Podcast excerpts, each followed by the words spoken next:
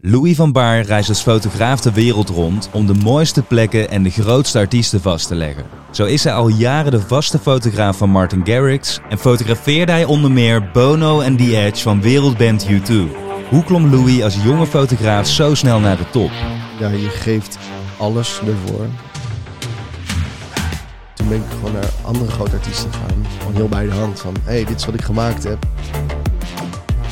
Toen had ik bijna alle foto's klaar en toen deed mijn camera dat. Nee. Toen dacht ik, nee, dit ga je toch niet menen. Je hoort het in de nieuwste aflevering van Young Ones.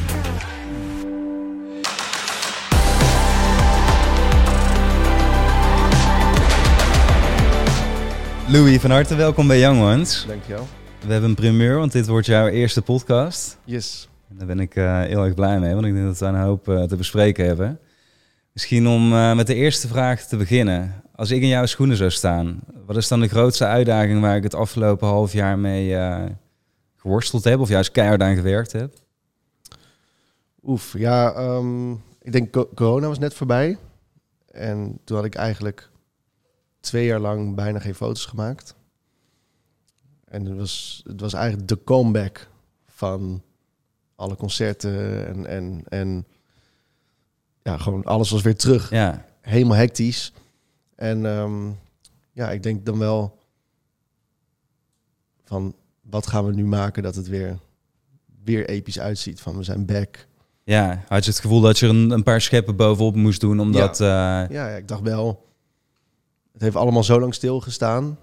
We moeten wel laten zien van, ja, ja.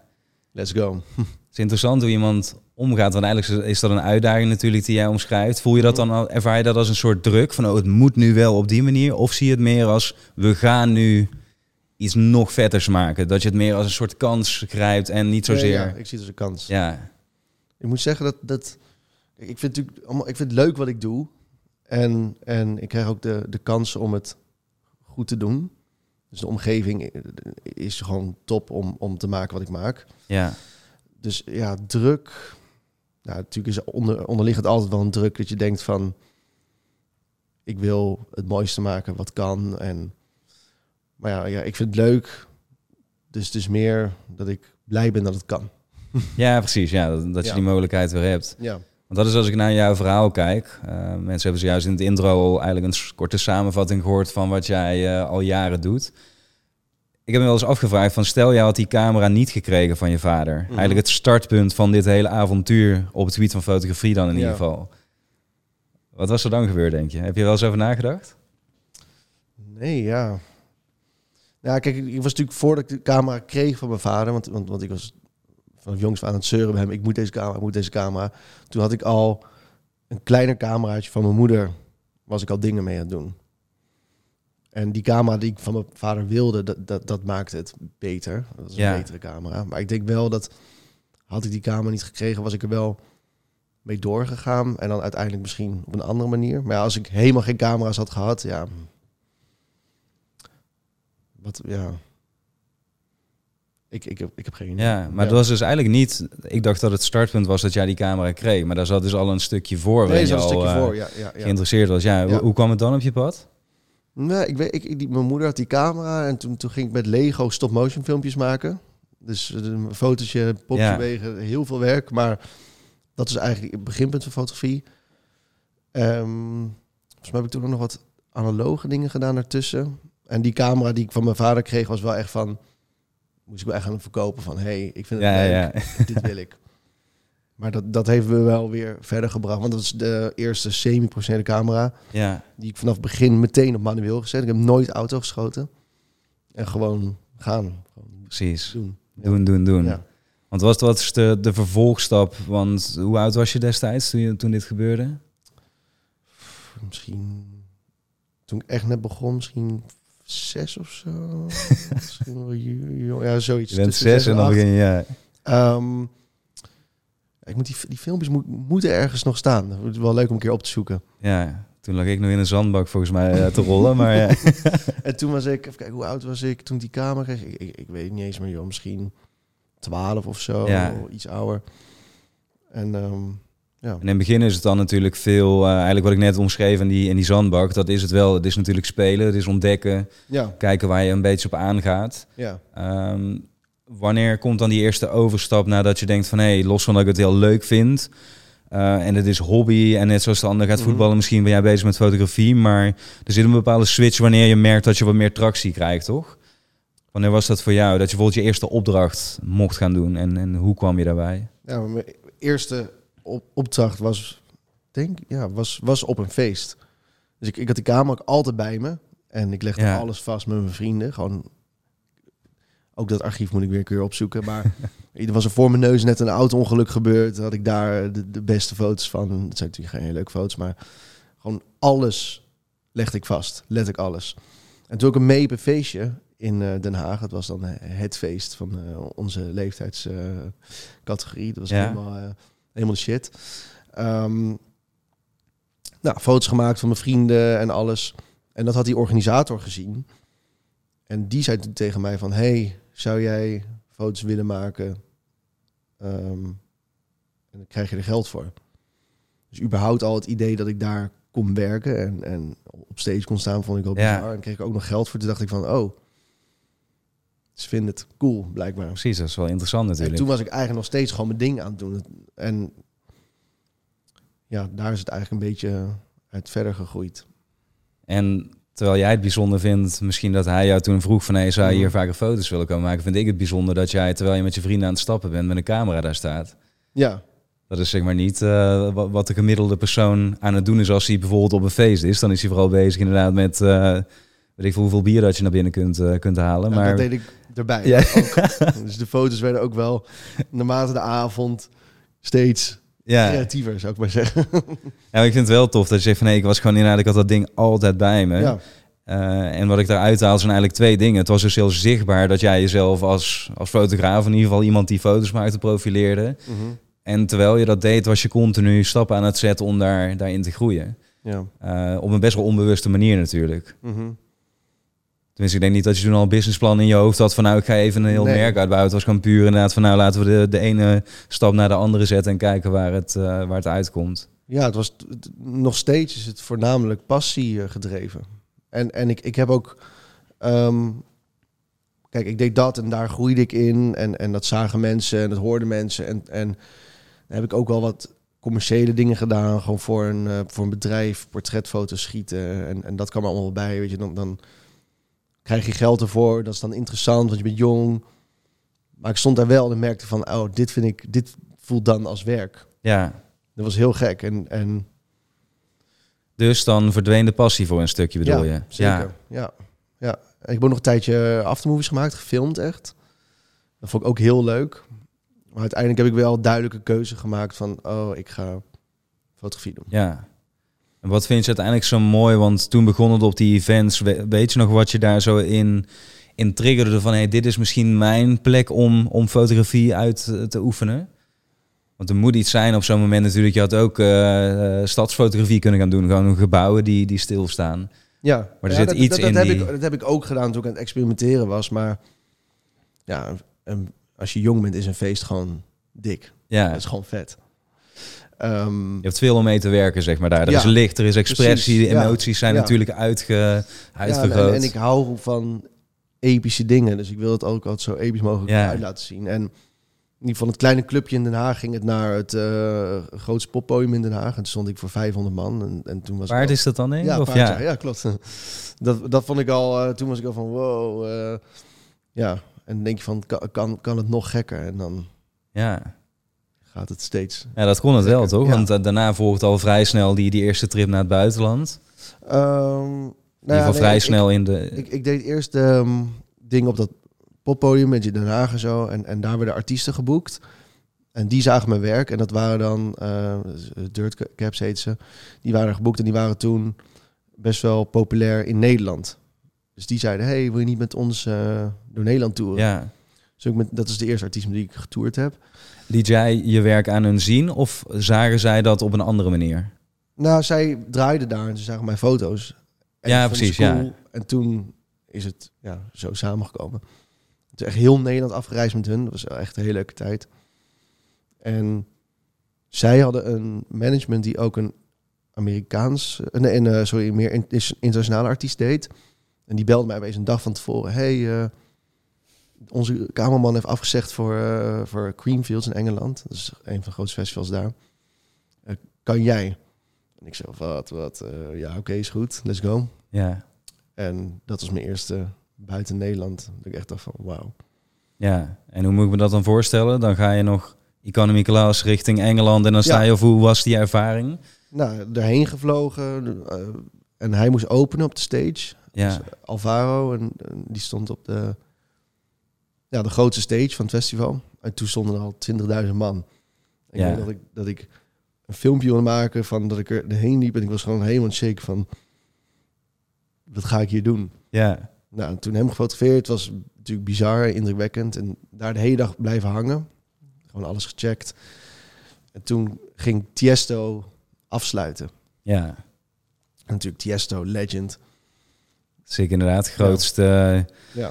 Legend in de IDM, denk ik, te- Ja, is het toch? Van hij heeft dat helemaal... Ik ben er zelf niet helemaal aan thuis, maar ja... Maar ja, toen, toen gingen we dus naar zijn kleedkamer. En dat is ook gewoon een Nederlander. Hey jongens, gezellig. eh shotjes met hem gedaan. En toen zat ik echt van... Want, want ja, het is gewoon echt een soort god. Ja. die man. Want die staat er zo. En toen ging hij draaien. En toen gingen we kijken. En, en toen zag ik daar met dat vuurwerk. En, eh, Ja, en, en toen zat er wel echt zo'n sparkle in, in mijn ogen van... Wauw. Ja. Heb je op zo'n moment, weet je dat nog, heb je dan het gevoel dat je even in die wereld die eigenlijk niet van jou is mag intappen, maar dat het daarna weer voorbij is? Of, of hoe heb je dat toen ervaren? Of was het juist bijna een soort van vlam die ontketend werd van, oh, dit is zo lijp, hier moet ik zijn? Ik heb dat namelijk wel eens gehad. Voor de eerste als je in een grote zaal bijvoorbeeld een voorprogramma, ik heb in bandjes gespeeld, Mhm. mocht doen, dan was het echt zo van, oh wauw, dit is waarvan ik droom. Alleen, ik mag nu alleen een avond het voorprogramma doen, daarna rijd ik weer terug naar Limburg en zit ik daar weer een maand gewoon, snap je, in mijn dorp. Terwijl het voor die bands was het dan, ja, die waren op Europese tour. Mhm. Dus het voelde een beetje als eh, voor spek en bonen een keer stage mogen lopen voor Ja. mij. Nou, ik, kijk, ik, ik was daar als, als toeschouwer. Ik stond wel op stage aan de zijkant. Ja. Ik, heb, ik heb daar ook foto's gemaakt. Daar was ik toen zo trots op. Ehm, maar ja, het was inderdaad wel van... Ik heb het een keer mogen meemaken. Maar het was toen nog helemaal niet tastelijk van... Hoe, hoe kom je daarbij? Ja, Maar wel van... Dit wil ik doen. Gewoon zo groot en, en zo episch. we zijn nu op het punt eigenlijk, het staat hier zelfs eh, in het decor, I'm just a kid with a dream. Ja, Want dat is het dan. Je weet op het duur waar je naartoe wilt. ja. Dat is wat veel van onze kijkers en luisteraars nu ook hebben van, oh, ik, ik voel al ergens dat, dat vuurtje voor, maar inderdaad dan komt die vraag, maar hoe dan? Ja. Ja, ja, ik... ik kijk, en, en, en, dit was in een, op, een- op, op best wel een... Die, de- dat het had, was op een punt dat ik... ehm, ik was toen met die Nederlandse artiesten bezig. Dit was eerst internationale. En toen gingen we... Best wel kort daarop gingen we eh, naar Tomorrowland toe. Met Dirtcaps ook. Ja, En toen heb ik tegen mezelf eh, gezegd van... Nou, weet je, ik blijf hier ook. En toen ben ik gewoon naar andere grote artiesten gegaan. Gewoon heel bij de hand van... hey, dit is wat ik gemaakt heb. eh, oh, vet. Ja, tuurlijk. ja, Toen ik Carnage leren kennen, was ook een hele grote artiest op dat moment. En toen ja, ging alles eigenlijk steeds Ja. meer. En vond je dat spannend om te doen? Om naar hun toe te stappen met je werk? Want dan krijg je wel natuurlijk een soort van... Dat is letterlijk waar je eigenlijk een blauwtje kunt lopen. Ze kunnen ook zeggen van, joh, eh, geen behoefte aan. Wil ik niet zien. Of dacht je juist van, nee, ik zal ze even laten zien dat ik er ben. Ja, nee, ik kan me niet herinneren dat ik naar...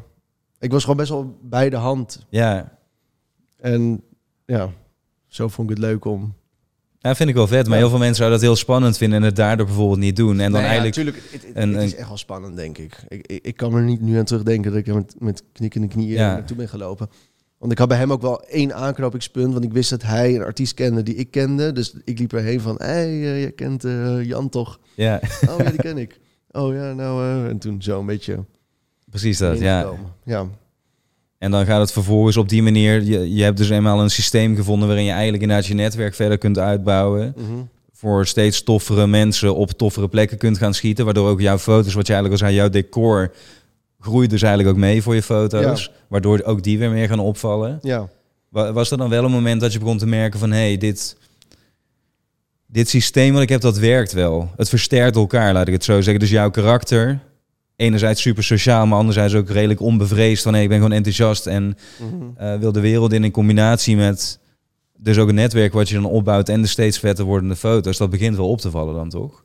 Ja, ja het, het, het, het voelt eh, als een soort sneeuwbal-effect, denk ik. Ja, precies. En wel vrij onbewust. Want ik was nog steeds de hele tijd van... Ik wil zoveel mogelijk leuke dingen doen. Weet je, daar, daar, daar. En, en gewoon wel ook wel chaotisch was het hoor. Want, want er waren dan punten dat ik pas een dag van tevoren wist dat ik wel naar New York kon. En weet je, dat ze zeiden van ja, het is eigenlijk uh, past niet echt in het budget. En dan was het, ja, weet je, ik, ik, ik hoef helemaal geen geld. Ik wil er gewoon zijn. En Ja. en, en ja, gewoon lekker zoveel mogelijk eh, opbouwen. Precies, want zaten veel artiesten in die tijd verlegen om een fotograaf? Want even terugdenken met socials, Mhm. was dat toen al, begon dat of zo? Ja, dat was wel net toen een beetje Ja. eh, cool begon te worden. Ja, dus het was nog niet helemaal standaard dat je een heel mediateam Nee. met je mee had. Dus nee, wat totaal daar, niet, ja, totaal niet. Maar ja, het hielp ook dat de artiest met wie ik was, daar kon ik het ook echt goed mee vinden. Dus het was ook wel nog steeds, het is meer dan alleen fotograaf. ja. Want je bent zoveel weg, dus het is ook gewoon leuk om goede mensen om je heen te hebben. Ja, precies. Vertel eens voor- voor de, de jonge fotografen die luisteren, luisteren. Wat is er voor jou, volgens jou nodig voor een goede foto? Want als je vanuit de buitenkant kijkt, zullen de meeste mensen zeggen... ja, gewoon een goede camera, toch? Met goede lenzen heb ik even veel geld nodig, dan kan ik dat kopen... maar dan worden mijn foto's goed. Maar wat maakt voor jou een, een sterke plaat? Ehm, nou, voor mij met, met de concerten, ik wil dat het altijd helemaal scherp is, maar dat is denk ik meer een eigen stijl ook. Ja. En dat is ook een grote uitdaging, heb ik begrepen. Toch omdat die lampen Ja. live altijd veranderen... en de Ja. effecten, dat dat, ja... Ja, ja. ehm, dus ja, ik, ik wil dat het gewoon mooi scherp is, want anders leef ik het ook niet eens aan. Dat is voor mij een mooie foto. En ik wil ook dat je naar kijkt, dat je denkt van wauw, wat, is hier- wat is hier gaande? Je kan wel een close-up van een artiest zijn gezicht doen. Bijvoorbeeld, ik zeg maar zo, je gaat eh, Justin Bieber fotograferen. Dat is natuurlijk heel cool dat je een foto van Justin Bieber hebt, maar Ja, in het totaalplaatje is het gewoon weer een foto van zijn hoofd. Ik zeg maar wat. Maar jij Ja. hebt wel een foto van zijn hoofd, dat is cool. Maar het is niet iets dat wauw is. Maar stel je hebt Justin Bieber met explosies om hem heen en waar van alles gebeurt. Dat kan wel echt dat je er naar kijkt van ja interessant beeld inderdaad, ja. gewoon cool om naar te kijken.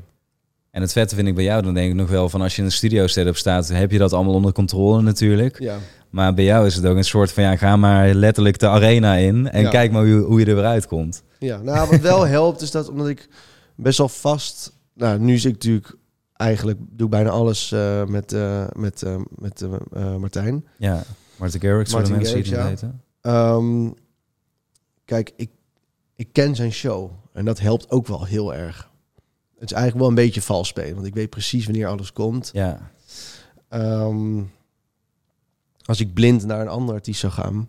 dan ga ik wel geheid veel momenten missen. Dus het is... ja. ja, ik snap wat je bedoelt. Ja, We hadden inderdaad eh, in mijn band op duur ook heel veel dingen liepen gewoon op tijd. Want die Mhm. effecten en zo, die gaan dan ook op tijd. En dan had je naar de mediateam en die wist op een gegeven moment eh, wanneer ze ook niet in de fik zouden vliegen. Maar ja, ook inderdaad van wanneer kun je, kun je een goed shot maken. Wat het ook alweer uitda in die zin uitdaging maakt ook van als je dat eenmaal weet, dan kun je weer binnen dat speelveld kijken hoe kunnen we daar weer het lijfste uithalen. ja, Want soms komt het over van- mensen over, ja, maar dan is het heel makkelijk, toch? Van als Ja. je precies weet, maar eigenlijk, ik zeg vaak die kaders, dan kun je binnen de kaders weer helemaal lo- loco gaan natuurlijk en kijken wat er. ja, ja het, is wel, het, het is ook wel echt een luxe. Want ik, bijvoorbeeld, we krijgen een, eh, een sheet met alle, alle effecten, alle vuurwerkeffecten. ja, En ik ken elk effect inmiddels. Dus als er staat eh, eh, comets, ik weet dat is een heel fel effect. Dus Ja. dan ga ik heel hele lage exposure kiezen. Of in ieder geval een, eh, een hele hoge sluitertijd. Dus dan kun je juist heel erg het licht ja, goed, goed ja pakken. precies. Ja, dus je kunt het daar je instellingen daarop afstemmen. Ja, ik zie, ja. dit komt eraan en dan weet ik al mijn instellingen. En is er ook wel eens iets misgegaan? Kan bijna niet Ja. anders. Wanneer je zoveel shows doet dan met die effecten, dat... eh, Jawel, jawel, jawel. Maar ook elk land heeft weer een andere vuurwerksupplier. En Ja. dan ziet het er opeens weer anders uit. En, en ja, natuurlijk kan er altijd wat misgaan. En ehm, ja, lasers blijven heel eng. Als, als, die, als je die verkeerd fotografeert, dan brand je gewoon die hele sensor door. ja, dus dan is meteen je camera klaar en, eh, en kun je Dat is ook door. best Ja. vaak gebeurd. ja, dus dat is eigenlijk het risico wat je dan neemt van... oké, voor de dikste plaat met lasers moet ik misschien deze camera opofferen, maar Ja, ja, worth it. Ja. ja. Het is wel eng. Ja, dat- het klinkt wel als een heel taftig verhaal inderdaad. Als je dan wel met die plaat terugkomt en het is gelukt, dan, eh, dan is het wel hij- een extra hij, hij voldoening. brandt dan een soort van één streep in de foto. De pixels zijn dan doorgebrand. Dus dan heb je één roze streep door je beeld. Ja, En dat valt nogal weg te werken. Dus dan laat ik een foto zien. Oh ja, super vet. Ik zei ja, maar kijk, heb eigenlijk wel mijn sensor ervoor moeten. ja, precies, voor moeten opofferen Ja. inderdaad. Ja. Wat heb je gedurende die tijd dat je zo druk was met het fotograferen en jezelf ehm, moving up, the ladder, laat ik het zo noemen. Ja. Wat heb je toen moeten opofferen? Of moeten investeren? Want het is altijd, kijk, de een zegt van ja, ik heb niks hoeven, hoeven op te offeren. Dan denk ik van ja, dat, dat lijkt, lijkt me sterk. Want je gaat op het duur natuurlijk reizen. Eh, je gaat steeds met die contacten leggen. Je bent bezig met je fotografie. Ehm, dus hoe zag dat stuk voor je eruit? Waren het bijvoorbeeld meteen super drukke werkweken die je had? Eh, was het lang doorgaan? Eh, nou, best wel geleidelijk gaan. Want er was dus een, een, een tijd dat ik best wel veel artiesten tegelijkertijd deed. Ehm, was toen Dubs, die hadden een hele grote track, ehm, was eh, Tsunami. Ja, Ik heb met, met hun ook een tijdje echt veel eh, meegereisd. Super, twee broers van elkaar, echt een hele leuke tijd mee gehad. want dat wisselt elkaar dan steeds af, toch? Want je komt met de ene artiest eh, terug bijvoorbeeld, maar de andere die gaat alweer. Ja. Dus er, ja, Ja, en, en op dat moment, iedereen was nog niet super happerig op, oh, je, je moet altijd mee. Het was wel een beetje kiezen van, oh, dit is een leuke show. Dus dan ga je dan mee. Maar, maar ik zat dan wel tussen al die artiesten in. En ik zei van, hey, ik ben dan op Ibiza. Als ik dan twee dagen blijf, dan zit jij er ook. ja. Dus dan kan ik jou ook meepakken, kan dat? En dan was ik zo wel een beetje aan het husselen om zoveel mogelijk te kunnen doen. Kreeg je Eh, wel al betaald meestal toen? ja, ja. ja, ik kreeg hem wel betaald. Ehm, eigenlijk heb ik er zelf nooit een, een prijs op gezet. ja. Het was gewoon zoveel krijg je. En ik dacht, ja, nou, ik vind het leuk om te doen. Is mooi meegenomen. Ehm, Wat is je visie daarop als je nu teruggaat? Want er wordt vaak eens een beetje discussie toch van zou je veel gratis werk in het begin moeten doen of niet? Nou, ik denk als je vanaf het begin money driven bent, is denk ik voor mij niet de juiste eh, insteek. Ja, Dus je moet het ook wel leuk vinden. En ik denk als je goede dingen maakt, wil, willen mensen het uiteindelijk. ja precies. Dus het is meer een gevolg van het mooie werk wat je Ja. maakt. Is dat, ja, precies. Dus ja, je moet ook iets van een visite of een, eh, een, een, een portfolio hebben. Als je zegt van, hey, ik ga hele coole foto's maken, het is zo duur. En je hebt niks wat je kan laten zien. Ja, natuurlijk, ja. Ik denk, ja, aan aan het eind van de dag, als je gewoon delivert, dan hebben mensen er ook wel geld voor over. Het, Ja. moet, het moet gewoon eerlijk zijn. Precies dat. En je moet mensen kunnen laten zien en naar het vertrouwen opbouwen. Wat je eigenlijk ook deed. Ja. Van je ging langs met je werk of ze zagen je werk al ergens bij een andere DJ. Nou dan, en als dat tof is, dan komen ze toch wel bij je uit inderdaad. Dus op die manier gaat de sneeuwbal dan eigenlijk steeds, eh, steeds sneller rollen. Ja, en ook, eh, ik, ik werk een ehm evenementenbureau in Nederland, IE Events, die, die had ook best wel vroeg, vonden ze mijn werk tof. Dus ik deed al hun events en die hadden eigenlijk alle grote artiesten daar staan. Ze hadden Donatello en eh eh, eh, T- TikTok, als ik ook Ja, het- zeg. TikTok, TikTok. Ik heb laatst van hun, want zij doen al, ze hebben ook in, op Ibiza toen toch dat event zijn ze gestart en zo. Of Ja, is dat een andere klopt. organisatie? Ja, Ja, wel, ook, ja. ja. Ehm, in ieder geval, en eh, daar was ik ook gewoon, alle artiesten die daar waren, liep ik wel altijd heen.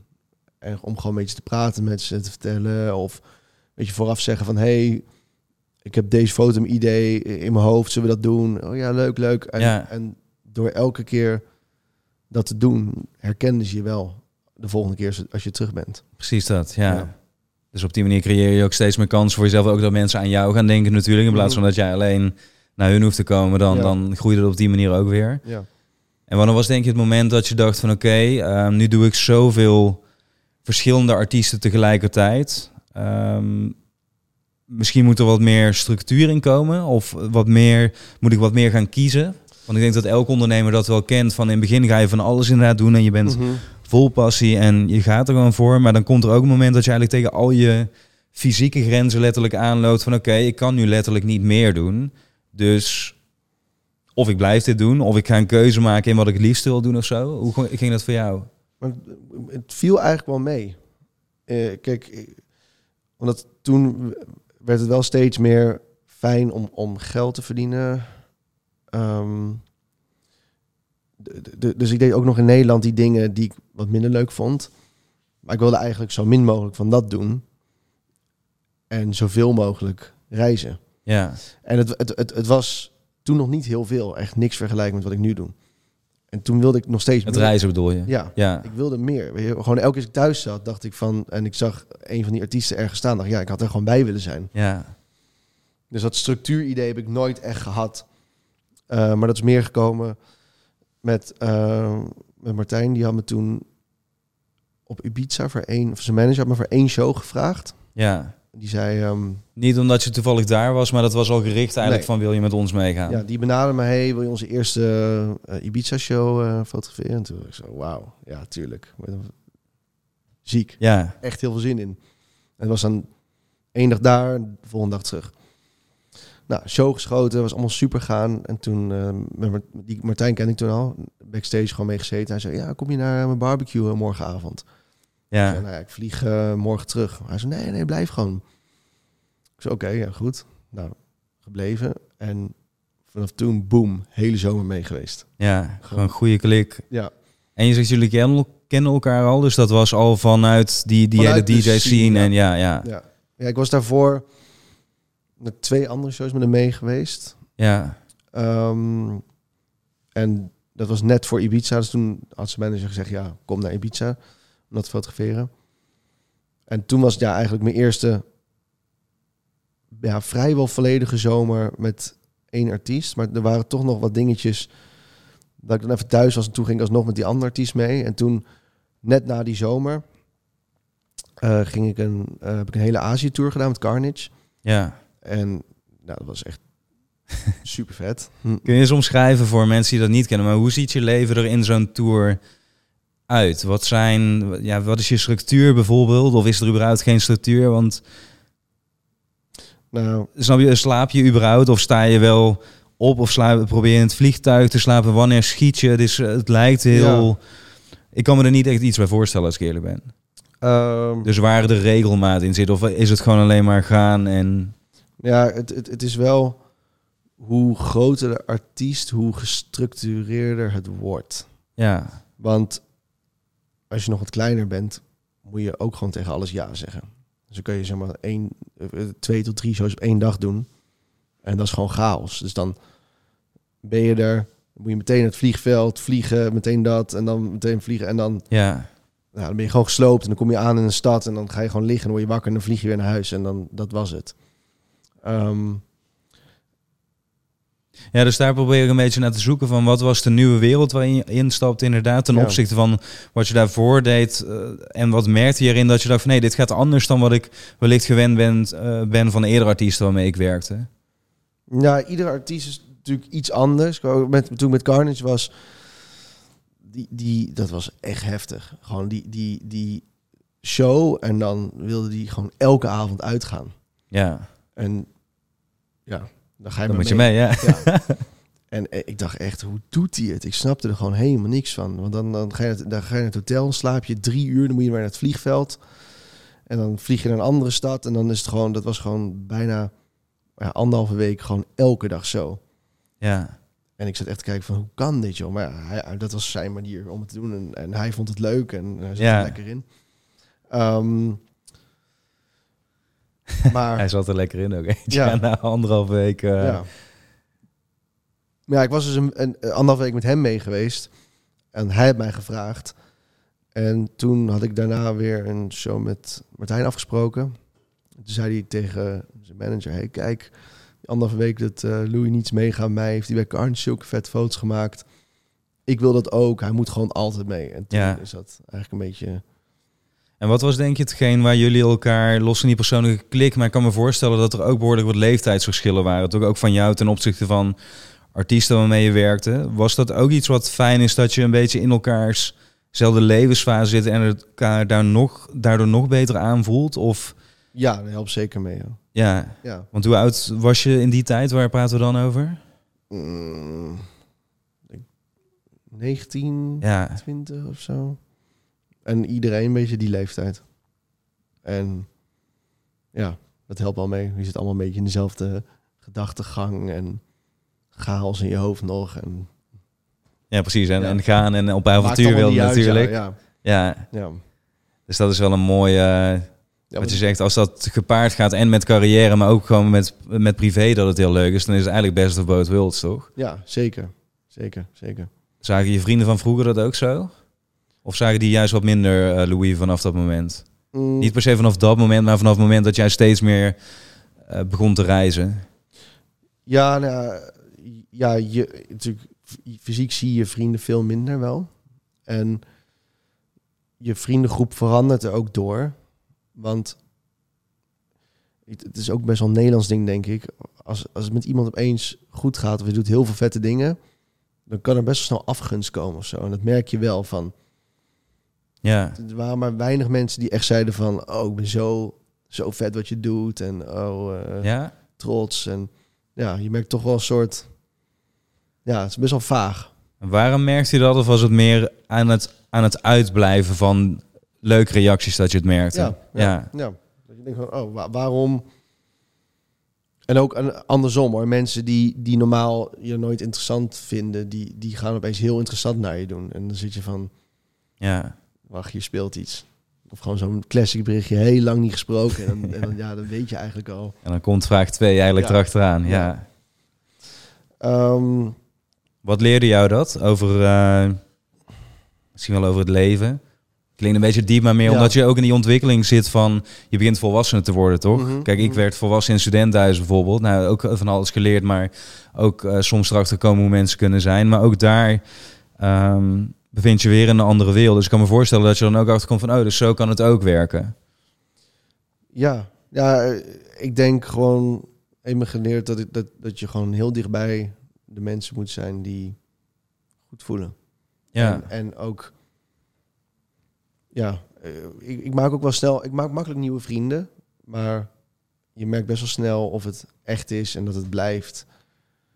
Ten opzichte dat het gewoon lachen is om samen mee uit te gaan. ja. Daar zit wel een onderscheid in. Er zijn maar echt maar een paar mensen met wie ik echt diepe gesprekken kan voeren, zeg maar. daar ben ik er nu een van.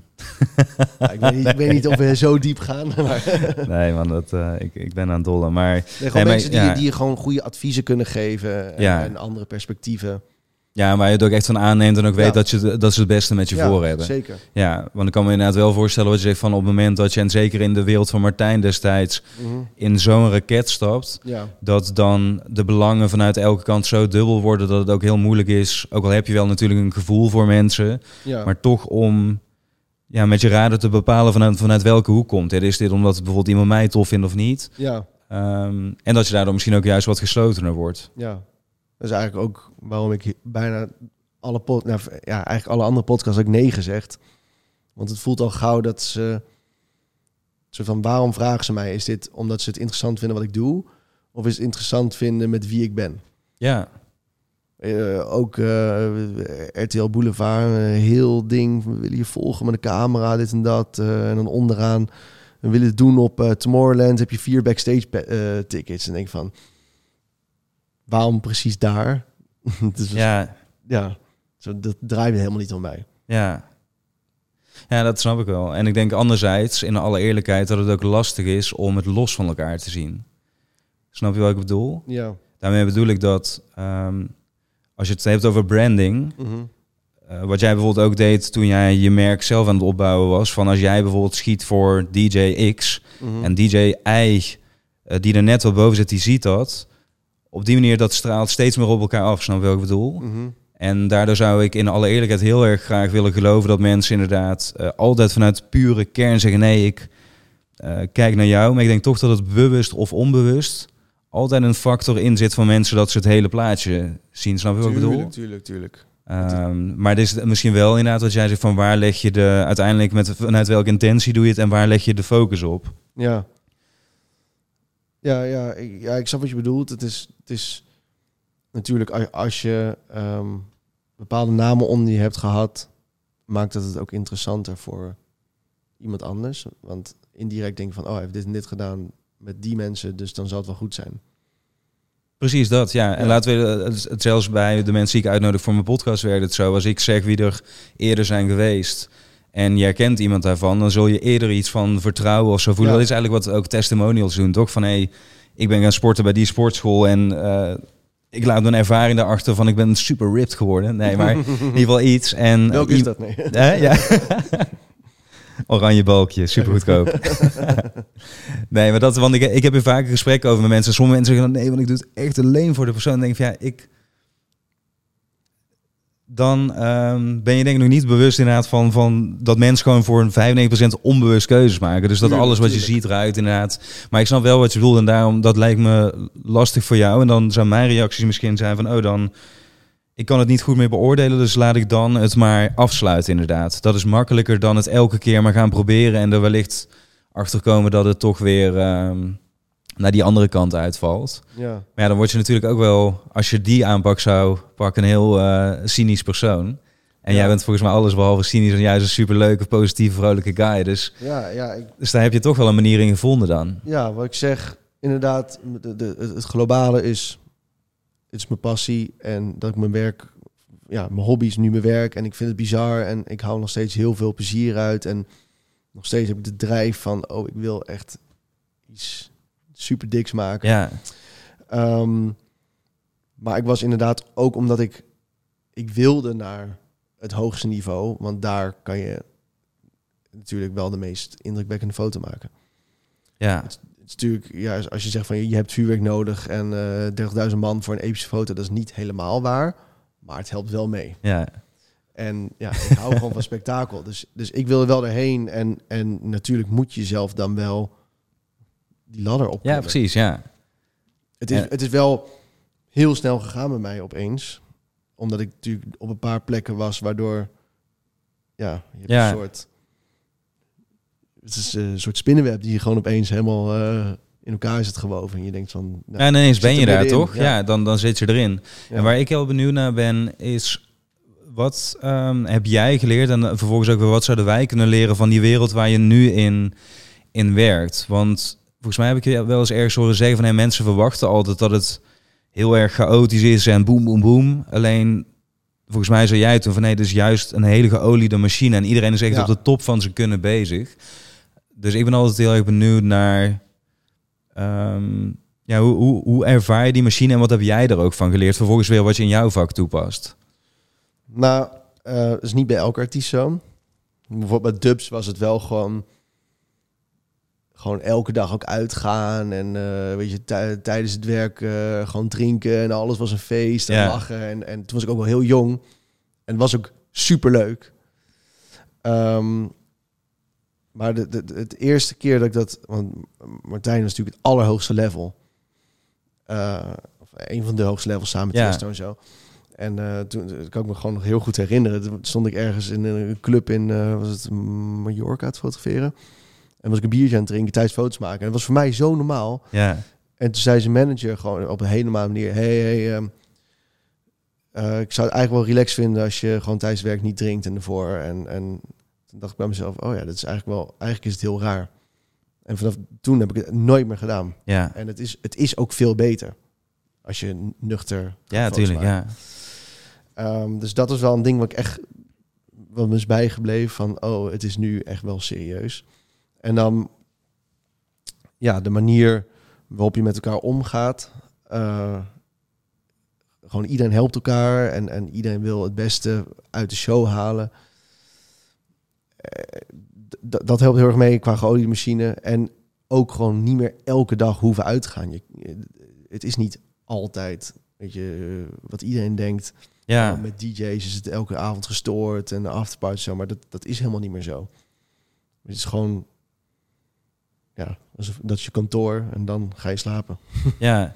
En, en is dat zelfs zo? Want dat viel me namelijk... eh, ik heb wel eens wat video's van jullie gekeken. Gewoon, hoe heet het? Martin Garrix Show. Gewoon Ja, dat jullie on the road zijn. Ja, En dan zie je dus ook vaak juist eigenlijk na de show... zou je bijvoorbeeld verwachten inderdaad dat mensen het gaan vieren... of eh, dat is het Mhm. standaard beeld.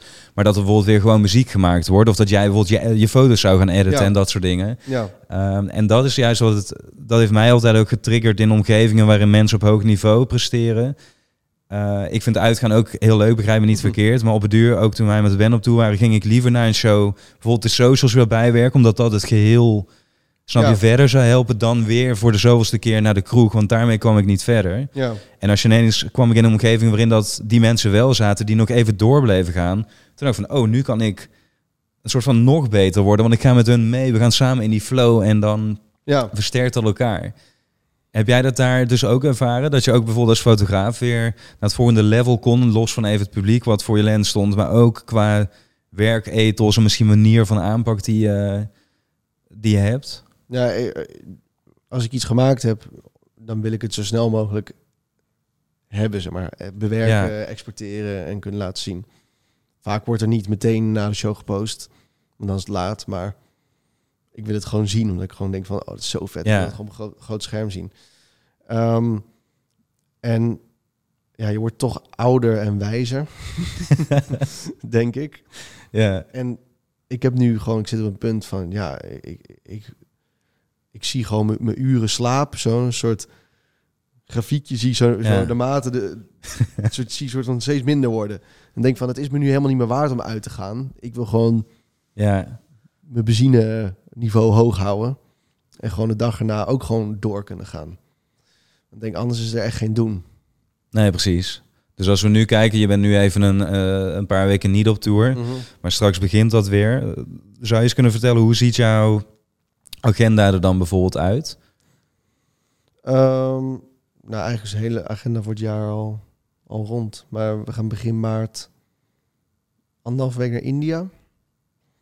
Ehm, en dat is echt een, een set tour. Dat gebeurt niet heel vaak. Maar Wat bedoel je daarmee?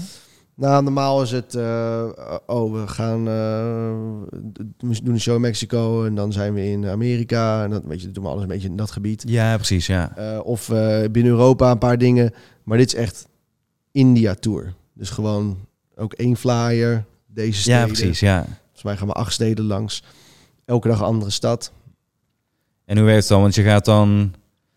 Rijden jullie bijvoorbeeld allemaal zelf naar het vliegveld en je ontmoet daar de hele crew en dan vertrek je? Of Eh, nou, dat, dat in, in, bij die grote touring-artiesten wordt het onderverdeeld. Je hebt A-Party, dat is de artiest. ja? En daar zit ik onder, want ik moet bij hem blijven voor foto's. eh, beveiliging. Als management meegaat, management hoort bij A-Party. Eh dan hebben we nog een, een, een personal trainer die vaak meegaat. En ook nog een videoguy. Dat zie je dan als A-Party. En dan de rest is de, de crew. Dus dat, dat proberen we gesplitst te houden, zodat... Kijk, zij moet ook andere dingen doen. Zij moeten eerder op, daar zijn om te programmeren. Ja, ja. Ehm, dus die hebben ook weer een eigen crew manager die dat beheert. Dus A-party, ja, dan spreken we met z'n allen bij het vliegveld af en dan Ja, precies, ja. vliegen. En zij, Ja, zij moeten bijvoorbeeld al eerder daar zijn en dat is voor jullie weer niet functioneel Precies. of is niet van nut natuurlijk. ja. Ehm, En niet iedereen komt ook uit Nederland. Van nee, ja, dat wou ik zeggen, want dat, ja, Alle A-party is wel... Nou, nee, er is net een videoguy bijgekomen, die komt uit Noorwegen. ja. Ja. Oké, en dan ga je daar naartoe. Dan ben je straks ben jij weer helemaal goed uitgerust en Ja, vol energie. Eerste show, ja, eh, fantastisch natuurlijk. En is het dan inderdaad dat, maar ja, dan is die eerste show geweest. Eh, Martijn speelt natuurlijk altijd laat, kan ik me voorstellen, in ieder geval Ja. over het algemeen. Mhm, mhm. Dus dan zit je ergens al aan het midden van de nacht. Dan moet Ja. je nog terug naar je hotel en edit je dan dus al meteen je, je foto's ook? Vaak wel. Ja, Ja, en di- dit is wel echt een heftig schema, wordt het. Dus ja, het is gewoon back-to-back, acht shows. ja. zonder een dag rust ertussen. Geen dag ja. rust. Ehm, dus ja, je moet eigenlijk wel. Want wat ik zeg, ik, ik, ik wil wel gewoon proberen aan mijn slaap te komen. Omdat ik gewoon weet dat als ik moe ben, dat gaat ten koste van indirect toch wel van veel dingen, vind ik. Noem eens wat. Nou, ik denk toch indirect als ik heel moe ben, dat ik er iets minder zin in heb en, en iets minder gepassioneerd naar het uiterste wil gaan. Ja, Ik wil juist gewoon fit en let's go. precies dat. Ja. Want dat, dat was wat ik me dus afvraag. Als ik dan die beelden aan het kijken was, ik van oh, die, die sfeer is zo positief. En eh, van we zien overal kansen in plaats van bedreiging. En dan, dan slaat het weer weer om in een land. Ja, Maar dan is het niet van nou, laat allemaal maar zitten, fuck Ja. het allemaal. Nee, is juist, nee, we wachten tot de laatste seconde dat het wel kan. ja.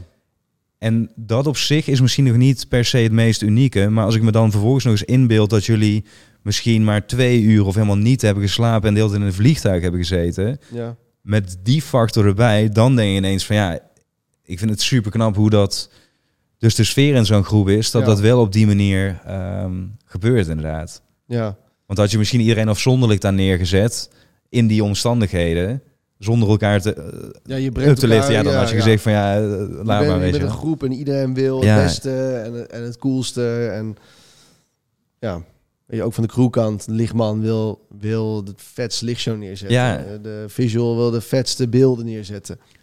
De geluidsman wil het allerbeste geluid. En, en ja, zo is, omdat iedereen zo gedreven is, is het ook wel dat iedereen wil Ja. het beste presteren. Heb je in al die jaren op het duur een soort karaktereigenschappen zo bij mensen en eh, inclusief bij jezelf dus opgemerkt waarvan je zegt van hé, weet je wel, en natuurlijk de een pakt een camera, de ander een, een keyboard of zo, Mhm. maar van, van dat hebben ze toch wel allemaal gemeen. Want passie komt natuurlijk ook vaak vanuit een bepaalde drive. Ik noem wat iemand, eh, daarvan was ik er een, wordt misschien gepest vroeger. Ja. En denkt van, oh, ik zal jullie wel eens laten zien, maar dat ontketent zo'n energie dat dat ook ja, ja, ja. ontploft. De ander zegt juist van, ja, ik ben zo positief van, ik ben al één bom. Mhm. Want energie is vaak wel een, een kernwoord, toch? Van als je geen fijne energie hebt of niet genoeg energie, kun je dat niet doen. Ja. Nou, ik denk, behandel iedereen hetzelfde. Ehm, kijk, als jij binnen een team neerbuigend naar mensen gaat doen en maar ziet als, oh, je bent maar een, eh, een fotograafje, zoiets, of je bent Ja. maar eh, zo'n man, dan, dan, ja, dan heb je er ook indirect minder zin in. Eh, Heb je dat wel eens meegemaakt zelf? Ehm, nee, gelukkig niet. Ja. Maar ik heb wel van andere artiesten eh, gehoord die fotografen mee hadden. Die hadden dan gewoon, eh, oh ja, je bent een nieuwe fotograaf. Ik wil eh, vijf foto's van voren, vijf foto's van achter. En gewoon een, wat je nodig hebt. En denk van, dat werkt toch helemaal niet. Ja. La- laat een creatief iemand gewoon zijn ding doen. Ja. En als je erin gelooft, komt het toch wel goed. Ik snap niet hoe je iemand kan zeggen van, je moet deze Ja, ja, precies, ja. per se pakken. Dat, dat, ja. Precies, gewoon vertrouwen in mensen. Ja. Of, of werk anders niet met ze, dat kan ook. ja, maar precies. ja. Ja. ja. het moet wel gewoon, gewoon klikken. Dat is echt belangrijk. En wat is dan denk je de, als je dan toch iets in al die positiviteit zou moeten noemen, de, de downside van dit alles? Of hetgeen wat jij dus investeert om dit leven eh, te kunnen leiden? Mm, ja, je geeft alles ervoor. Dus je bent heel weinig thuis. Ja, En je bent heel... ehm, je, je, weet nooit... Zo van, ik, ik zou niet eh, over drie maanden vakantie kunnen plannen. ja. Omdat ik... Er kan zomaar opeens iets tussenkomen of zo. Ja, dus je moet altijd beschikbaar zijn voor het team dus ook. Ja, dat is niet per se een verplichting, maar het, het is wel. Kijk, ze zeggen je, je kan echt wel een keer vrij vragen of zo. Maar ik weet ook van mezelf, als er dan iets heel cools komt, dan ga ik daar ook gewoon van balen. Van ja, Ja. shit, ik, ik, ik, ik wilde daarvoor zijn, weet je. Ben je wel eens bang om dit te verliezen, wat je nu hebt? Mm, Dat het zo uniek is dat, hoe dat je bent ingerold Ja. eigenlijk. Wat, ineens was het er. Ja, En dan, bang om te verliezen. Mm, nee, niet per se bang.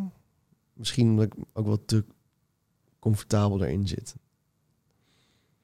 Misschien als er, als er meerdere factoren zouden zijn dat, dat ik op een soort van randje hang van, eh, van oh weet je, als je nog één keer eh, Ja. dit doet, eh, maar met comfortabel bedoel je denk ik vriendschap, toch? Ja. Dat is hetgeen wat, dat is iets... vriendschap, vertrouwen, buiten, ja. ehm, tevredenheid. Ja, Ik heb volgens mij bijna, nee, bijna nog nooit gehad van, oh, wat is dit nou? Het ziet er niet uit. Ik heb wel eens gehad dat ik, dat ik, ik dacht van, shit, dit, dit is gewoon zo slecht gegaan. Gewoon, je, alles zat tegen voor mij. En dan alsnog, zo, dit is zo vet. En, Ja. Oh, nou, top. ja, bang, nee, ja. Nee, denk niet, Nee. niet per se bang, nee. En als je zegt van ik geef er alles, alles voor op. ehm, het is natuurlijk, je bent veel onderweg. En dat is inmiddels dus ook met een deel vriendengroep, een deel denk ik hele goede collega. Want je kunt denk ik in zo'n groep niet echt gewoon collega's zo zijn, toch? Als je zo intensief met elkaar samenwerkt, zul je altijd iets van een band met elkaar opbouwen Ja. die verder gaat dan bij de koffieautomaat even een praatje doen. Ehm, maar, maar wat is hetgeen wat je daarin in voelt of merkt dan?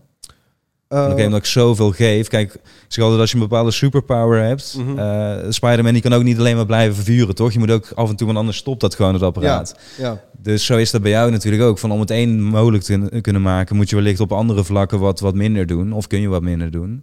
Ja, nou, gewoon thuis zijn. Ja, ik ben nooit thuis. Bijna nooit thuis. Ik denk 100 dagen per jaar of zo. Misschien wel minder. ja minder dan 100 dagen per jaar ben je thuis. Ja, en, en op, ehm, op dagen dat er niks is in Nederland, voel je dat niet. Maar als je op dagen in Ne- weg bent dat er in Nederland iets is, dan kan dat opeens soms heel hard aankomen. Weet je?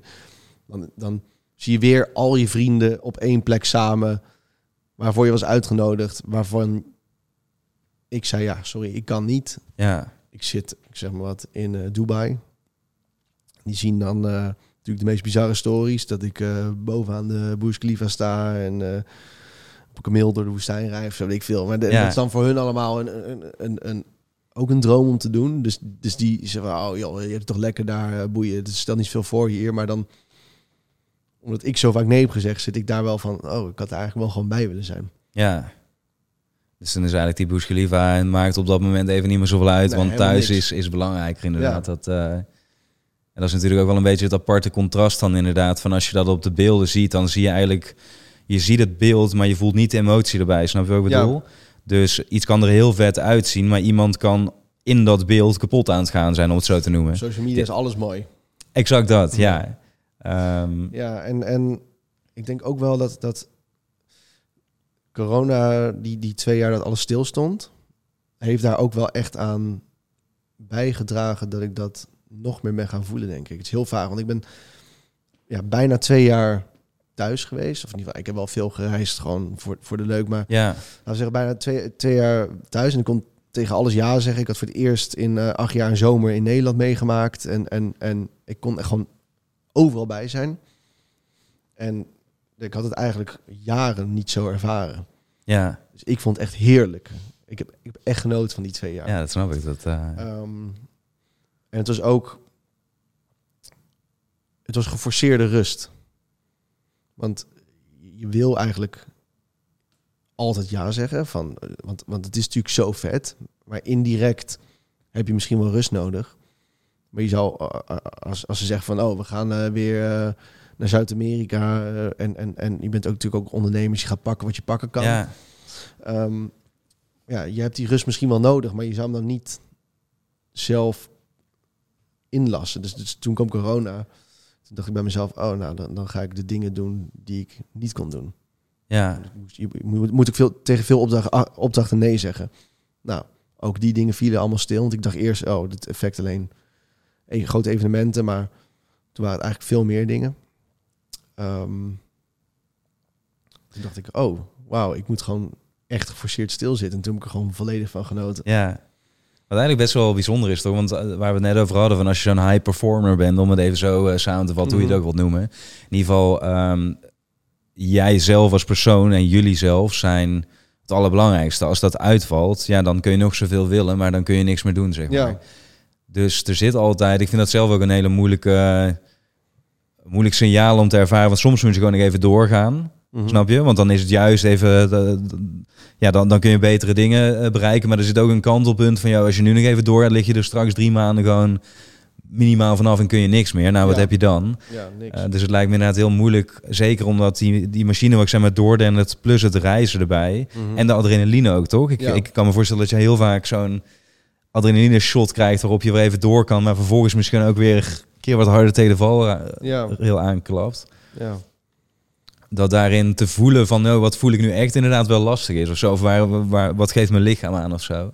Ja, ik, ja. Ik, ik, ik had het dus voor het eerst. eh, dus, dus je had die twee jaar niks, corona. En toen konden we weer. En toen gingen we er vol gas in. Nou, zomer van mijn leven gehad, vorig jaar. Ja, Dat is echt zo, zo bizar. En, en we konden weer, het is allemaal zo vet. En toen was de zomer klaar. En die was wel echt intens. En, en toen gingen we naar Tokio voor volgens mij een week of zo. En, en dat is voor het eerst dat ik dacht van... wauw, ik, ik, ik heb er gewoon echt geen zin in. Ik wil helemaal niet weg. Ik wil gewoon even rust, even thuis zijn. En dat komt juist denk ik door die twee jaar... dat je weer hebt ervaren wat rust kan zijn. ja, ja hoe dat het... eh, Uh, is- en nou, natuurlijk eenmaal daar heb ik wel een fantastische tijd gehad. Want het is, het is gewoon oprecht altijd vet. Ja. Dat is het probleem. Kun je, kun je wat dingen noemen? Want we, we gaan nu ook soms even helemaal de diepte in van ja, wat is er niet leuk aan? Maar ik vind het ook wel tof, eh, los van wat we natuurlijk allemaal kunnen zien. Maar eh, heb je een verhaal waarvan je dacht, misschien wel ook op het gebied van je fotografie, van wauw, dat ik dat toch heb kunnen en mogen meemaken? Dankzij eigenlijk de, ja, de routes die ik elke keer heb bewandeld, dat ik dan nu ineens hier sta en, en dit kan of mag doen. Ja, ik, moet- ik moet zeggen dat elke trip heeft wel weer een ding dat ik denk van wauw, dat ik hier nu ben. En, ja, goede voorbeelden. Kijk, als we in steden zijn, wil ik altijd ehm, probeer ik altijd hotel uit te gaan en naar een coole plek te gaan.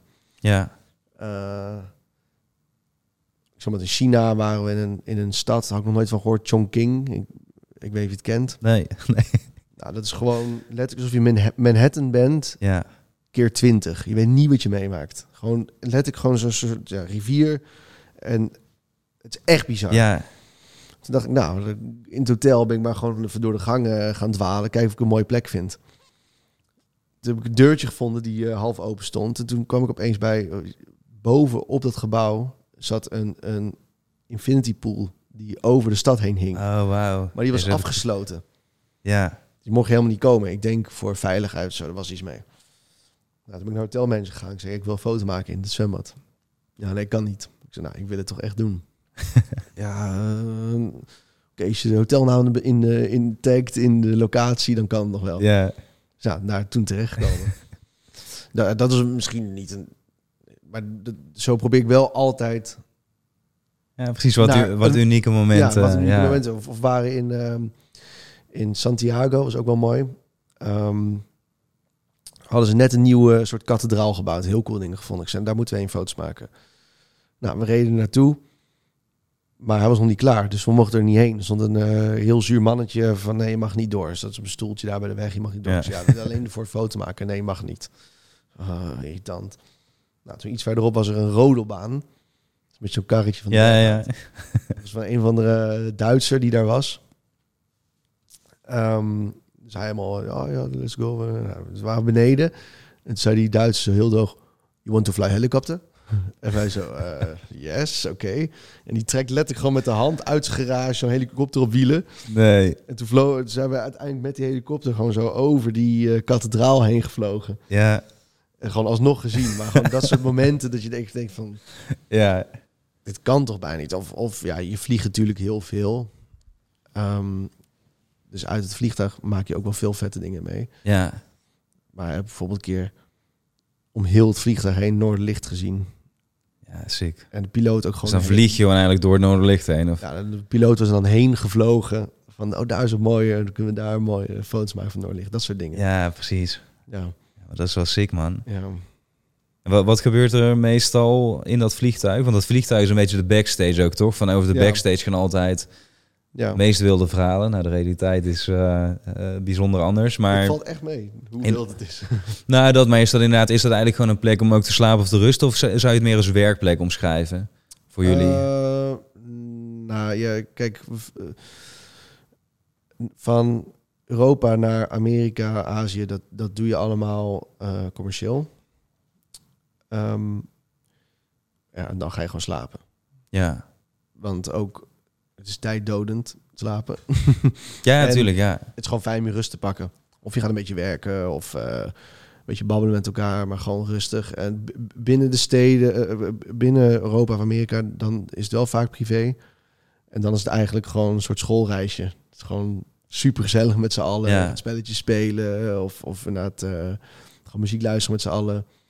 Het is gewoon een soort vliegende woonkamer. Ja. heel gezellig. Zitten er veel vrouwen in die wereld? Nee, helemaal niet. Nee, dat, nu, het, het, schiet me ineens te binnen dat ik denk van, oh, ook al die crews altijd, ook die ik zag, dat Ja. is echt zo'n typische mannenwereld. Maar in het management en dergelijke Nee, nee, wel niet. meer, toch? Eh, kantoor wel, ja. Ja, De office wel. Ehm natuurlijk José Woldering, ik weet niet of zij nog steeds PR doet voor, voor Martijn, Nee, maar in ieder geval, is weg, ja. ja, maar ook daarin zie je natuurlijk steeds meer eh, vrouwen wel er doorheen sijpelen. Ja. Ja, het is ook wel een, een, ik vind het wel zielig, want het is wel een moeilijke wereld voor vrouwen, hoor je dan.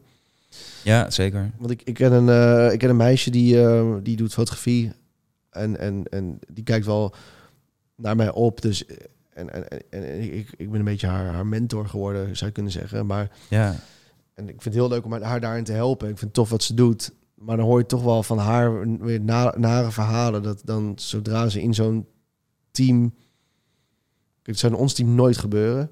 En, en, en daar ben ik ook heel voor moeder. Maar dat dan in bepaalde teams... Dat, dat, dat met een bakkie op mensen toch weer handtastelijker worden. Ja, zo. precies, Dat ja. het dan opeens geen fijne werkomgeving is. En dat vind ik wel zielig. Want het, het is wel... Ja, ook als je in Amsterdam uitgaat... Het, is, het blijft voor vrouwen wel een, een, een ja, niet 100% veilige omgeving. Ja, zeker. Ja. En dat, dat eigenlijk terwijl we het er nu over hebben, want ik denk van, kijk, jouw verhaal is natuurlijk het, het denk ik voor veel eh, fotografen een droomverhaal eigenlijk. Van je Mhm. kunt de wereld overreizen, je bent nog super jong, dus je kunt Ja. er ook echt van genieten omdat je alle energie nog hebt en dergelijke. Mhm. Ehm, maar Young Ones staat ook ervoor dat eigenlijk iedereen die, snap je, die droom zou moeten kunnen bereiken. Nu zeg ik niet dat dat niet kan, hè, want we moeten ook weer niet het te zwaar gaan maken. Maar meer terwijl ik het zeg, zie ik inderdaad bijvoorbeeld die cruise die ik heb gezien voorbij lopen. Dat ik dacht van, oh, daar bij hoge uitzonderingen had je daar ooit een vrouw in zitten. Mhm. Ehm, wat natuurlijk wel gewoon eigenlijk zou moeten kunnen. Want dus eigenlijk wat jij zegt, puur afhankelijk van de, de verdere omgeving. Ja, Want dan zou je, ja, iedereen kan natuurlijk vette, vette plaatsen of video's maken. Ja. Of ik moet ineens namelijk denken aan het moment dat ik op Tomorrowland vorig jaar stond met Charlotte de Witte. Die sloot af, mainstage. Mhm, mhm. En dat ging daar zo extreem los. Dat ik dacht van oké, de muziek is ook wel vet. Maar toen had ik het er met wat mensen naast me over uit België. Die zeiden nee, dit is veel meer dan alleen de muziek. Zij staat eigenlijk als, in dat geval vrouwelijke DJ, ook voor een hele, hele groep mensen, zeg maar. En toen keek ik weer, na- weer eens naar het podium. Toen dacht ik van, oh ja, dit, dit vind ik eigenlijk nog vetter nu. Want Ja. dus natuurlijk vaak als een artiest ineens zo groot wordt, is het en de muziek. Maar er zit vaak ook een soort onderstroom van cultuur eh, Ja, bij. ja, heel erg. Ik weet niet of je die doken van Elvis toevallig hebt gezien. Nee. Nou, Elvis, die, ehm, ik weet het, we hadden vroeger gewoon zo'n multi-CD eh, in Mhm. de pla- platenkast staan. Toen ging ik laatst naar die film toe. En ehm, los van dat zijn muziek al leuk is, blijkt dat Elvis echt een brug was tussen de witte, witte en zwarte culturen. Mm. Dus invloeden van blues eh, gingen ineens met rock en de dansstijlen en zo. Dus ehm, nadat je die film hebt gezien, begrijp je ineens veel beter, even los van de hits, waarom dat het überhaupt hits zijn geworden. Snap je wat ik bedoel? ja, ja. En dat vind ik zelf dan heel interessant. Ik denk van, oh ja, er zit altijd een iets meer onder dan alleen hetgeen wat je ziet, zeg maar, of wat je hoort. Ja.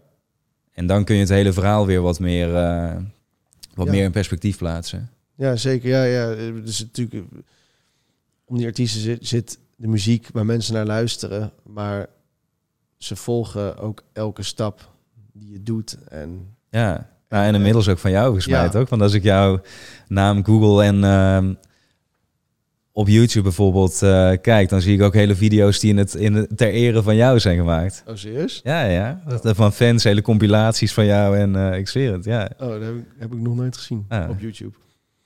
Nee, ik, ik, ik, ja, dat is wel bizar dat, omdat ik natuurlijk die, die dance scene, eh, toen, toen, toen ik erin begon, was ik leeftijd van al die gasten en dat waren echt voor de eerste de echt dat EDM op de radio kwam. Ja, Dus de Animals, eh, die Tsunami.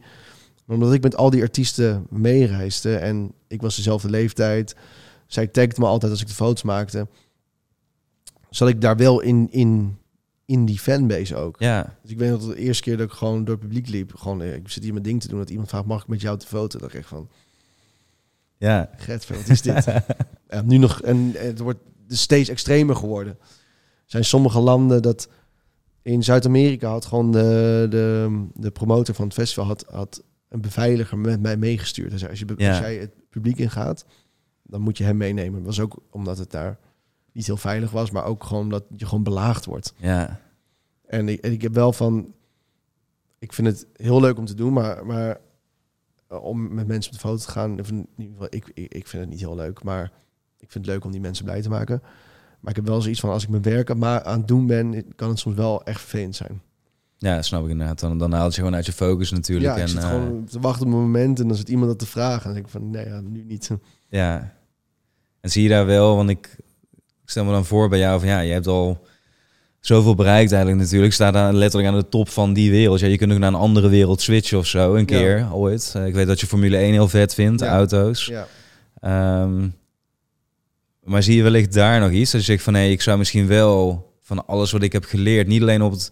Want eh, wat ik zei, dat technische fotografie is volgens mij echt maar een heel klein onderdeel van de hele puzzel namelijk. ja, heel klein. Dus lijkt mij wel vet, omdat het bij jou, jij bent meer de rockstar fotograaf nu geworden ook natuurlijk. Waar ik, ik ken niet veel eh, fotografen rond met zoveel volgers. Mhm. Niet veel fotografen die op die manier de hele wereld rondvliegen. Ik ken er Ja. wel een paar. Mhm.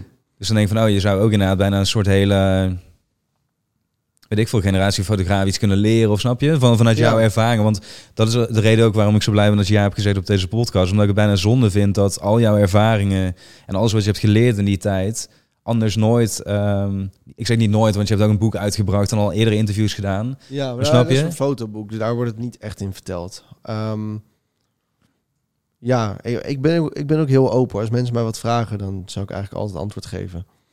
En ik heb inderdaad wel... eh, al een paar jaar terug heb ik bedacht, heb ik nog niet gedaan, maar ik, ik wil misschien gewoon een keer een, een workshop doen. Om gewoon mensen te leren wat ik doe. Ja, Lijkt me heel leuk. Maar wa- wat jij inderdaad zegt... eh, kijk, ik- ik denk mensen willen leren... hoe maak je een foto, hoe ik het doe. Maar er zit inderdaad veel meer achter. ja. Van hoe moet je netwerken en hoe ga je ermee om. En, ja. Ja, ik heb het wel eens met meerdere, eh, vooral creatieven besproken. En ook eh, bijvoorbeeld videografen. En, eh, of dat nou van een bepaalde artiest of een bepaalde film is. En zelfs bij ons dat ook. Dat ik heel vaak vragen krijg, niet voor mij. Maar voor de mensen hier allemaal om ze heen, het team. Van hoe doen zij het eigenlijk allemaal? Ook met de Morland. Hoe van, oh, met, met hoeveel mensen gaan jullie? Hoeveel, snap je, hoe maak Ja, je ja. die content? Kunnen zij niet een keer bijvoorbeeld een vlog opnemen of zo? Dat was een van de vragen die voorbij kwam. Omdat ik dacht van, oh, ik vind dat fucking vet. Omdat het inderdaad juist... Het gaat uiteindelijk om het grote geheel natuurlijk. En ook wat jij zegt van de unieke samenstelling ook die jij hebt. Van ja, leuk dat je kan fotograferen. Maar inderdaad dat andere eh, onderdeel van, van die foto is veel belangrijker Ja. nog. En als je dat inderdaad ja, zou kunnen leren, of ik weet zeker zo'n workshop, ja, die zit gegarandeerd vol. Ja, ja. Ja, nul twijfel. eh, misschien wil ik het tijdens de ADE doen. Ja, Even kijken wat voor insteek. eh, maar ik, ik heb er wel eerder over nagedacht. ja, wat vet. Ehm, Wat zijn meerdere dingen waar je nog wel eens over nadenkt? Als je dan naar de toekomst kijkt, even los van gewoon überhaupt volhouden wat je nu doet. En dat is Mhm. al eh, uiteraard een fulltime of meer dan fulltime job. ja. Ehm, maar ik denk dat mensen zoals jij nooit stoppen met dromen. Dus, dus waar, met welke gedachten speel je dan wel eens? Ehm, nou, ik zou nog steeds heel cool vinden om gewoon een volledig F1 seizoen te doen. Ja, Ik had die kans ook tijdens eh, corona.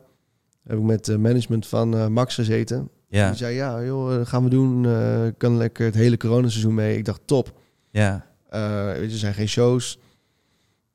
Ik ga het gewoon doen. Het was ook het eerste jaar dat hij wereldkampioen is geworden. Dus dat, dat Ja. was, was natuurlijk het jaar. Maar toen werd het vanuit de F1 niet toegelaten. oké. Dat ze super streng met de coronaregels waren. Dus je had allemaal bubbels. En elke bubbel mocht maar x aantal mensen. Volgens mij mocht elk team maar 30 man mee of zo.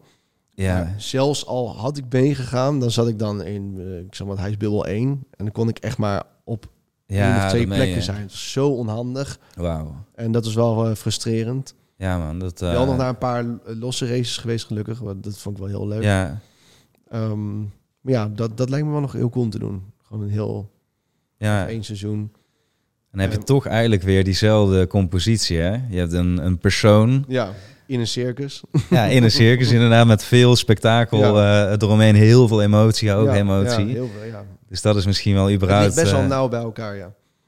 Ja, ik bedoel meer, misschien is dat überhaupt wel jouw, jouw, jouw hoe noem je dat? Jouw signatuur of zo, van... Mhm. Dat dat de elementen zijn van een Louis van Baar, om het zo eh, Ja, ja gewoon te noemen. Ja, toch? Ja, spektakel. ja dat is ik wel denk misschien als ik... Kijk, ik, ik, ik ben realistisch. Ik ga het niet voor de rest van mijn leven doen. Dat ik, eh, Ja, dat ik zo van het reizen ben en zoveel weg ben. Dus ja, misschien wordt mijn werk uiteindelijk wel wat statischer. ja. Uiteindelijk. Is er nog iets, denk je, wat we niet hebben besproken? Want je zit hier nu toch en dit is de eerste podcast. en Misschien ook wel voor een langere tijd eh, eh, weer de laatste. Want je, je stapt binnenkort weer op het vliegtuig. Ja. Waarvan je zegt van nee, dat vind ik wel leuk om te benoemen of belangrijk om te benoemen. Of daar wil ik het nog graag over hebben. Dat hebben we nog niet aangeraakt. vraag. Daar heb ik helemaal niet over nagedacht. ik ben nu blind ingegaan. Ja, Eh, maar ja nu, wat ik zei, eh, ik kan me voorstellen dat je van al die dingen die je hebt meegemaakt nogmaals en de, de stappen die je hebt gezet, ook de mensen die je spreekt, Ja. dat je heel veel te vertellen hebt. Ehm, ik weet ook dat je de, sommige dingen gewoon simpelweg niet kan of mag vertellen, wa- wat het ook prima is. ja. Want we hebben al veel besproken. Maar wat ik zei, iemand zoals jij, ik, ik kan me niet voorstellen dat jij niet ook over bepaalde dingen nadenkt, een bepaalde visie over iets hebt misschien. Ehm, of het nou creatief is of op ondernemersvlak, eh, waarvan je denkt van nee, dat, dat zou mensen wellicht... eh, van die gesprekken die je met je vrienden hebt bijvoorbeeld, weet je wel, dat je ineens zo'n inzicht hebt van nee, eigenlijk ja, als ik er zo op terugkijk of zo, heb Ja. ik goed gedaan. Of dat had ik misschien beter niet kunnen doen. Ja. Stel je me wel een vraag. Eh, nou, nou ja, daar hebben we het eigenlijk over gehad. Ja, dat ik, dat ik, dat ik vind, ik vind het belangrijk dat je. Ik denk dat iedereen moet gewoon bij stilstaan. Wat vind je nou echt leuk om te doen? En natuurlijk, toen ik klein was, ga je opzoeken wa- wat is de best betaalde baan. Nou, dan kan je naartoe werken. Maar is dat, leuk, is dat iets wat je leuk vindt?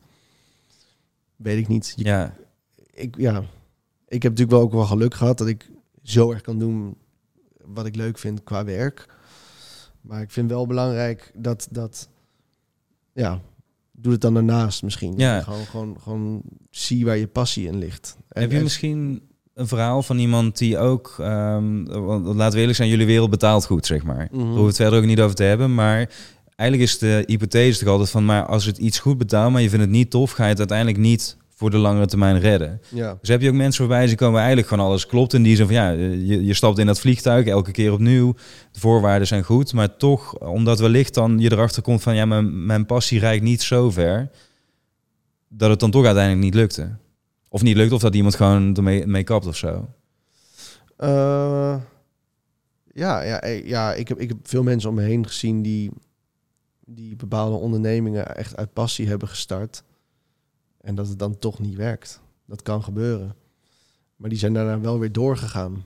Weet je, met iets nieuws. Ja, Maar ik denk ook, dat is niet misschien... Kijk, niet iedereen is zo. Of niet iedereen durft zo erg. Of niet iedereen is altijd met iets bezig in zijn hoofd. Maar er moet, ik, ik, ik geloof dat bij iedereen moet er wel een spark in iets zitten. Wat, wat ze leuk vinden. Dat, dat moet er echt wel zijn. ja. Nou, dat En- geloof ik ook. Dat, En, eh, en daar kun je ook pas echt laat achter komen. Maar ik vind het wel belangrijk dat je daar gewoon goed bij stilstaat. En Ja, en dat is ook misschien wel je ogen voor open houdt. Wat jij zo van, ook al was ik... Stond in een kroeg, aan de ene kant een biertje, maar aan de andere kant die camera. Ja. Want die camera, dat was mijn, zeg maar, daar, daar had ik dat gevoel al bij van... hé, hier ligt iets voor mij misschien. Ja. En ik weet nog bij mijzelf, over mezelf gesproken... dat ik dat ook al wel lange tijd voelde, maar toch het niet... op dat moment helemaal durfde of zo. Om er echt vol in te stappen, snap je wat ik bedoel? ja, ja, ja. Waardoor je het heel lang inhoudt en het dan later op gang komt. Dat is ook helemaal niet erg. Hè? Want Mhm. ik denk inderdaad, het, het feit dat jij bijvoorbeeld, onder andere maar ook Martijn en heel veel andere mensen het zo jong hebben gevonden, ja. dat hoeft helemaal niet zo te zijn. Er zijn ook genoeg mensen die ontdekken op hun veertigste ineens hun passie en, en zijn dan heel blij. Precies, ja, want ik heb wel eh, mijn hele studententijd overgeslagen in ruil hiervoor. Precies, ja. En dat is natuurlijk wel... ehm, het is ergens wel eng dat je dat doet. Want als je studie hebt gedaan en dan vind je iets... dan heb je altijd nog een studie waar je op kan terugvallen. Maar ik kan nu niet zeggen van... eh, oh, eh, ik wil nu advocaat worden. Bijvoorbeeld, ik zeg maar wat. Ja. Ehm, dus ja je, ja, je levert er wel dingen voor in. Ja, en inderdaad, je studententijd kun je niet overdoen of zo. Ja, je kunt op je veertigste gaan studeren, Ja. dat, eh, dat is bestaat. Ja, Maar want al mijn vrienden van school die hebben wel die studententijd meegemaakt. En dan ging ik wel eens mee naar studentenfeestjes. En dan denk ik van, oh, dit is eigenlijk ook gewoon heel leuk. ja, Dan zeg je, ja, maar jij staat op de ziekste feest. Ik zeg, ja, maar dit vind ik nou echt leuk. precies, ja. Klein, met, met de mensen om wie je geeft. Gewoon, ja, ja. Alles of niets. alles of niets. Ja. Daar gaan we mee afsluiten, man. Nogmaals, ik wil je bedanken voor je tijd. Eh, je vrije tijd zelfs, want je bent eigenlijk gewoon even, eh, even aan het chillen nu. ja, En eh, ja, tof dat je een uitzondering op je, op je vaste beleid wilde maken. Nou, het is geen vast beleid, maar Nee, nee, nee. Ik ben het voelde goed. Ja, nice. Dankjewel, man. Dankjewel.